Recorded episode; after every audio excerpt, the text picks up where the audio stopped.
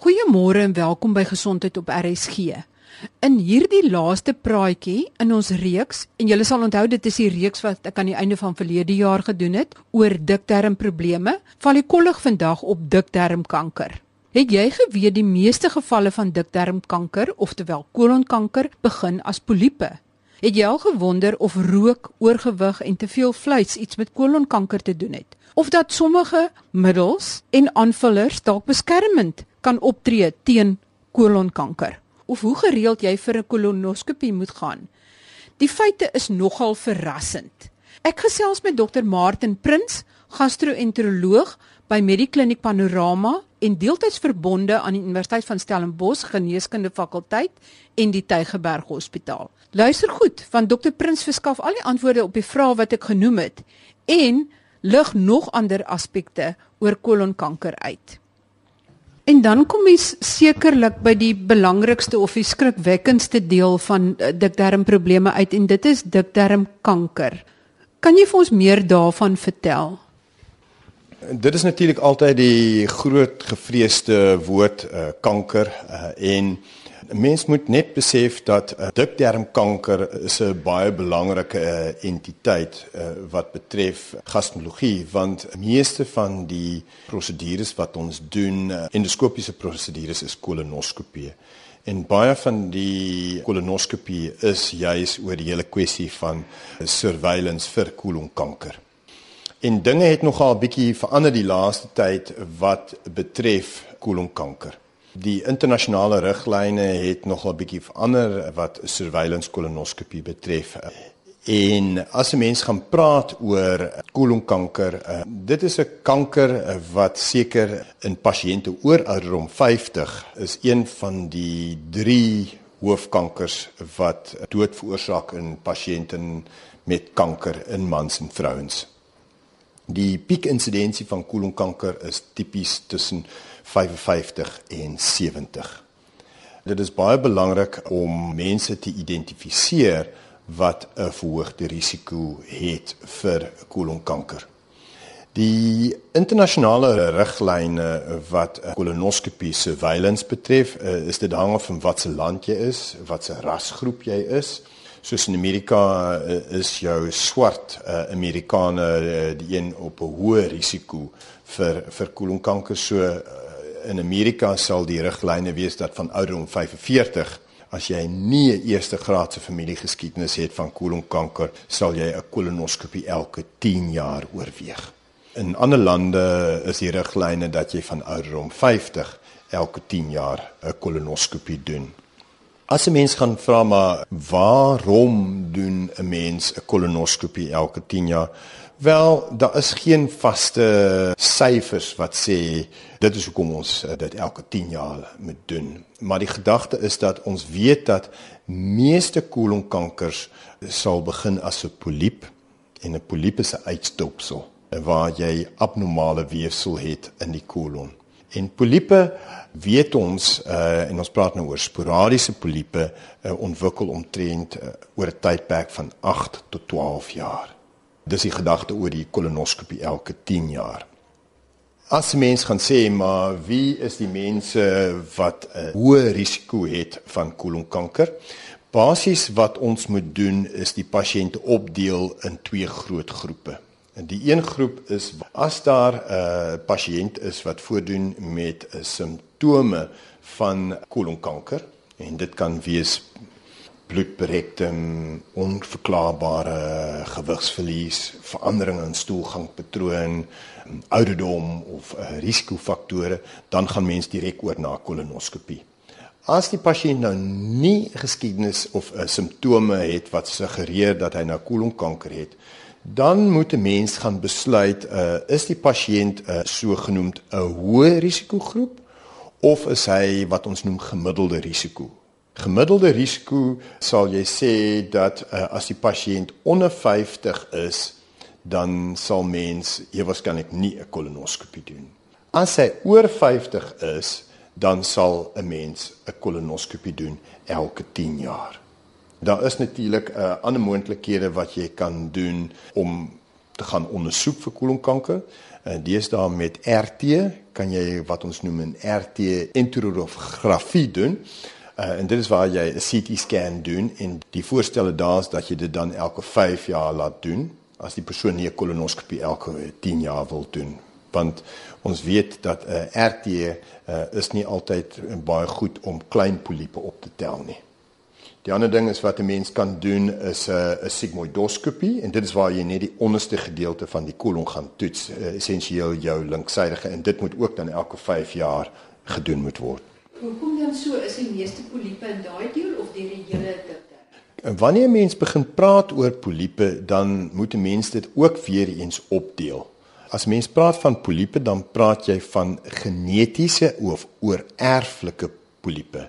En dit is waar ons praat van HNPCC, hereditary non-polypotic colon cancer, die sogenaamde Lynch syndroom en dit is meer aan die regterkant.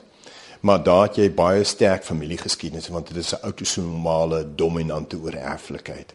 Of die ander ene wat jy kry is FAP, familiale adenomatose poliepe. En dit is nou 'n heel ander entiteit op sy eie.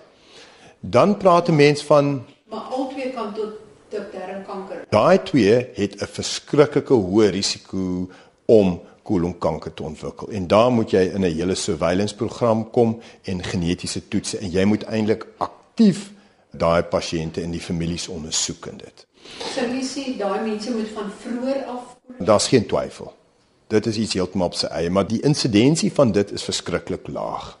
Maar wat ons meeste van die tyd mee te doen het, is wat ons noem sporadiese poliepe. Nou sporadiese poliepe kan 'n mens weer uh, opdeel in essensieel as jy dit wil stel vier tipe poliepe. Jy kan praat oor jou hiperplastiese poliepe en dit is waar jy poliepe kry en dis meestal aan die linkerkant en in die rektum en die uh, sigmoidgebied. Hierdie is waar jy nog normale weefsel op die boonste oppervlak van die poliep het en die is on niks om oor bekommerd te wees nie. En as jy hiperplastiese poliepe het, hier waarskynlik kan die pasiënt ook elke 10 jaar opvolg met 'n kolonoskopie. En dan kry jy jou hamertese tipe poliepe en dan kry jy wat ons noem jou serrated polyps en dan die een waaroor ons meestal be bekommerd is jou soort van tubulovelese of adenomatese poliepe. En uh, dit is die een wat die maligne potensieel het. As 'n mens so 'n poliep afhaal, dan is daar verskeie eienskappe waar ons na ons gaan kyk. Ons gaan kyk hoeveel poliepe het jy afgehaal? Nommer 2 is hoe groot is die poliep? Is hy groter as 'n sentimeter? Waar was die poliep afgehaal? En dan ook uh, wat het die histologie gewys? En, en wat ons bedoel daarmee is dat al die poliepe wat verwyder word word essensieel weggestuur na die uh, patoloog. En waarvoor ons gaan soek uh, en dit is eienskappe wat aanduidend is van 'n voorloper van kanker en dit is waar ons noem van displasie en al daai faktore saam laat jou besluit wanneer gaan jy nou weer 'n kolonoskopie doen. So as jy 'n 'n persoon het waar jy geen poliepe geïdentifiseer het nie tydens 'n surveillance kolonoskopie, sal jy dan die kolonoskopie herhaal in 10 jaar. As daar wel 'n uh, klein hiperplastiese poliepe is, so dis nou poliepe wat verwyder en dis bewys op histologie dat dit hiperplasties is, kan jy hier waarskynlik ook 'n kolonoskopie doen in 10 jaar. Dan uh, as jy een of twee klein poliepe verwyder het en dit is jou tubulovelese adenome en hulle is almal kleiner as 'n sentimeter, dan kan 'n mens oorweeg 5 tot 10 jaar. As jy nou uh, 3 tot 10 uh, tubulêre adenome verwyder het, dan is die voorstel dan moet jy dit na 3 jaar herhaal. As jy meer as 10 het, moet jy dit minder as 3 jaar laat herhaal die kolonoskopie. En dan as jy poliep het waar daar duidelik wat ons noem hoë graadse displasie is, maar dit is volledig verwyder, dan moet jy die kolonoskopie na 3 jaar weer herhaal. En dan praat ons oor uh, wat ons noem uh, hierdie serrated polyps. Eh, ek wil nie daar veel oor uitwy maar dit is weer eens 'n histologiese diagnose Uh, as hy uh, geen displasie het en hy's minder as 'n sentimeter, dan kan jy waarskynlik kolonoskopie herhaal na 5 jaar. As jy wat ons noem displasie het, dan moet jy dit binne 3 jaar herhaal. Baie pasiënte sal ook vir jou sê, maar uh, Martin kan 'n mens nie wag totdat jy simptomaties is met kolonkanker. En as 'n mens gaan kyk na die literatuur dan dan is dit bewys dat as jy wag tot iemand simptomaties raak van kolonkanker, dan het of 60% gevorderde lokale siekte of 60% het al uitsaaiings na die lewer toe. Dit is uh die rede hoekom die riglyne geïmplementeer is. As 'n mens gaan praat oor ehm um, risikofaktore van kolonkanker, dan is daar 'n klomp goedes wat 'n mens moet na gaan kyk. Ons weet dat as jy uh verminderde fisiese aktiwiteit, daai mense is definitief meer geneig tot kolonkanker. As jy obese is, het jy ook 'n verhoogde risiko. Uh as jy ander goedes soos oorwegend vleis in jou dieet en ander woorde nie baie vesel nie, daai mense is ook geneig tot kolonkanker.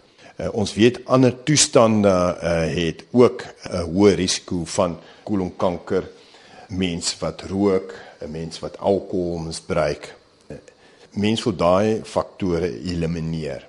As jy sê is daar iets wat 'n mens kan doen of inneem om te voorkom dat jy kolonkanker het. Jy moet natuurlik aandag gee aan al daai risikofaktore. Dis ook duidelik bewys dat as jy medikasies gaan gebruik soos jou coxibs, so dit is Celebrex of ook jou anti-inflammatoriese middels soos Disprin en dit. Dit is bewys dat dit is voorkomend teenoor kolonkanker. Kalsium supplementasie help daarvoor. Uh, jy kan ook uh, selenium gebruik en dan natuurlik uh, jou dieet aanpas met groente en vrugte en vesel en dit. Verstaan ek jou reg as jy sê wat kolonoskopies betref? eintlik almal bo 50 of 55 eintlik 'n basislyn kolonoskopie behoort te kry. Die riglyne wat kolonoskopie surveillance het 'n bietjie verander die laaste tyd. Uh, ons het in die verlede gesê dat as jy soos die Engelse sê average risk is, soos dit is die gewone man in die straat. Uh, in ander woorde, daar is nie 'n eerste graadse familiegeskiedenis van kolonkanker of poliepe, so dit is ma, pa, boetie, sussie of kinders of as jy nie twee tweede graadse familielede het met kolonkanker, dan is dit gemiddelde risiko. Uh behoort jy kolonoskopie elke 10 jaar te laat doen. In die verlede het hulle gesê dat as jy wel 'n eerste graadse familiegeskiedenis het, dan moet 'n mens miskien oorweeg om 'n kolonoskopie elke 5 jaar te laat doen, maar dit het nou verander. In Amerika as die riglyne doen jou initiële kolonoskopie En as dit skoon is, dan kan jy heel waarskynlik die kolonoskopie elke 10 jaar laat doen. Daar is nou onlangs 'n studie wat uh, gedoen is, is in Duitsland wat so 'n jaar en 'n half gelede gepubliseer is. Hulle sê as jy onder die groep van van average risk en jy doen 'n surveillance kolonoskopie en dit skoon, dan kan dit jou heel waarskynlik beskerm tot by 20 jaar teen kolonkanker. Maar oor die algemeen is die riglyne dat jy maar 'n 'n kolonoskopie elke 10 jaar moet laat doen. Die hele kwessie ook waaroor dit gaan is wanneer stop 'n mens om surveillance kolonoskopie te doen.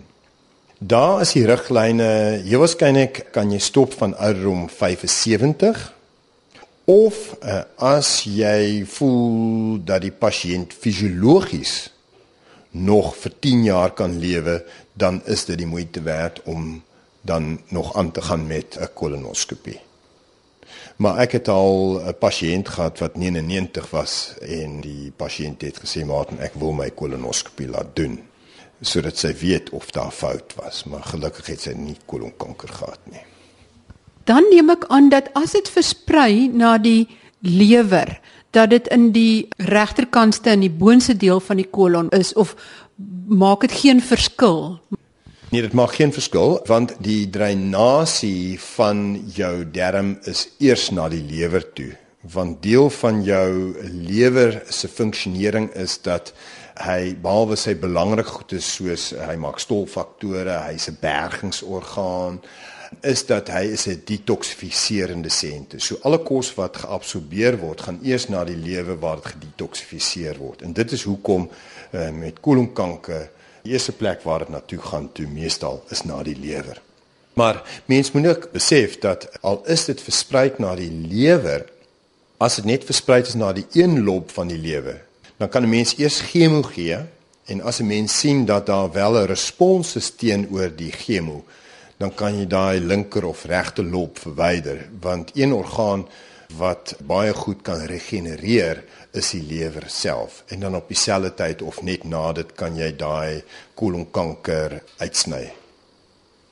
Jy het nou self baie vinnig by die behandeling van kolonkanker uitgekom. Met ander woorde, is dit maar chirurgie waar mens moontlik kan en dan chemoterapie. Wat is dit die behandeling?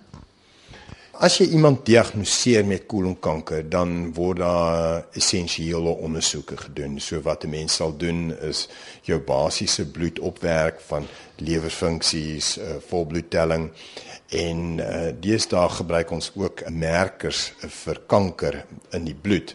En die twee merkers wat ons gebruik is uh, CIA en GI99. Mens moet net besef dat hierdie merkers kan jy nie as 'n siftingstoets gebruik nie. Die bloedmerkers gebruik ons as 'n monitor vir ons behandeling. So wat 'n mens sal doen as jy iemand diagnoseer met kolonkanker, dan doen ons die bloedtoetse en as hulle op is, dan kan ons dit gebruik as 'n merke vir respons tot jou terapie. So jy jy sal in sommige pasiënte sien, hulle het kolonkanker, maar die kankermerkers is normaal. So dan weet jy dit gaan waarskynlik nie baie help nie, maar meeste van die tyd is dit verhoog en dan kan jy dit as 'n monitor gebruik vir jou kanker. Die ander ding wat ons sal doen, ons sal 'n RT van die buik doen want mens wil gaan evalueer hoe lyk die lewer en al die uh, ander organe. 'n Mens sal ook essensieel op dieselfde tyd uh, miskien net 'n RT van die long doen om seker te maak dat daar nie verspreiding daar ook na toe is. Dan sal mens die persoon wys na 'n chirurg en deel dan sal wees om die aangetaste area te resekteer en dit om al die omliggende uh, kliere ook te verwyder dat jy 'n stadieringsprosedure doen. Sommige gevalle as die mens wel uitsaaiings het, dan sal mens chemo gee. En in sommige gevalle moet 'n mens wel gaan besluit oor of jy gaan opereer ja of nee. Want die laaste ding wat jy wil hê is dat daai tumor so groot raak dat die pasiënt dan voordoen met obstruksie. Want om in daai scenario dan 'n reseksie te doen is baie moeilik. Maar dis ook bewys in die literatuur as jy wyd verspreide kolonkanker het, en die pasiënt het kanker om dan te gaan opereer, hulle gaan baie gou agteruit.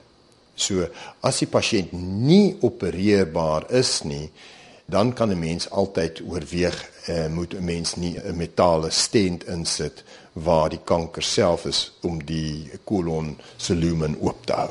So dit doen ons ook.